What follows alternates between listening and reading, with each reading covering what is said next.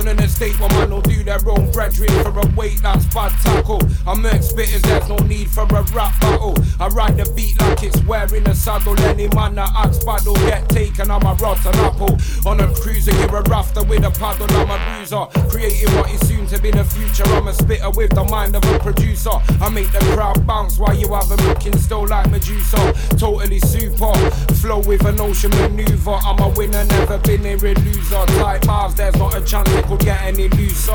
Vibing juicer, heavyweight bruiser. You don't wanna step into Hell's Gate, do you?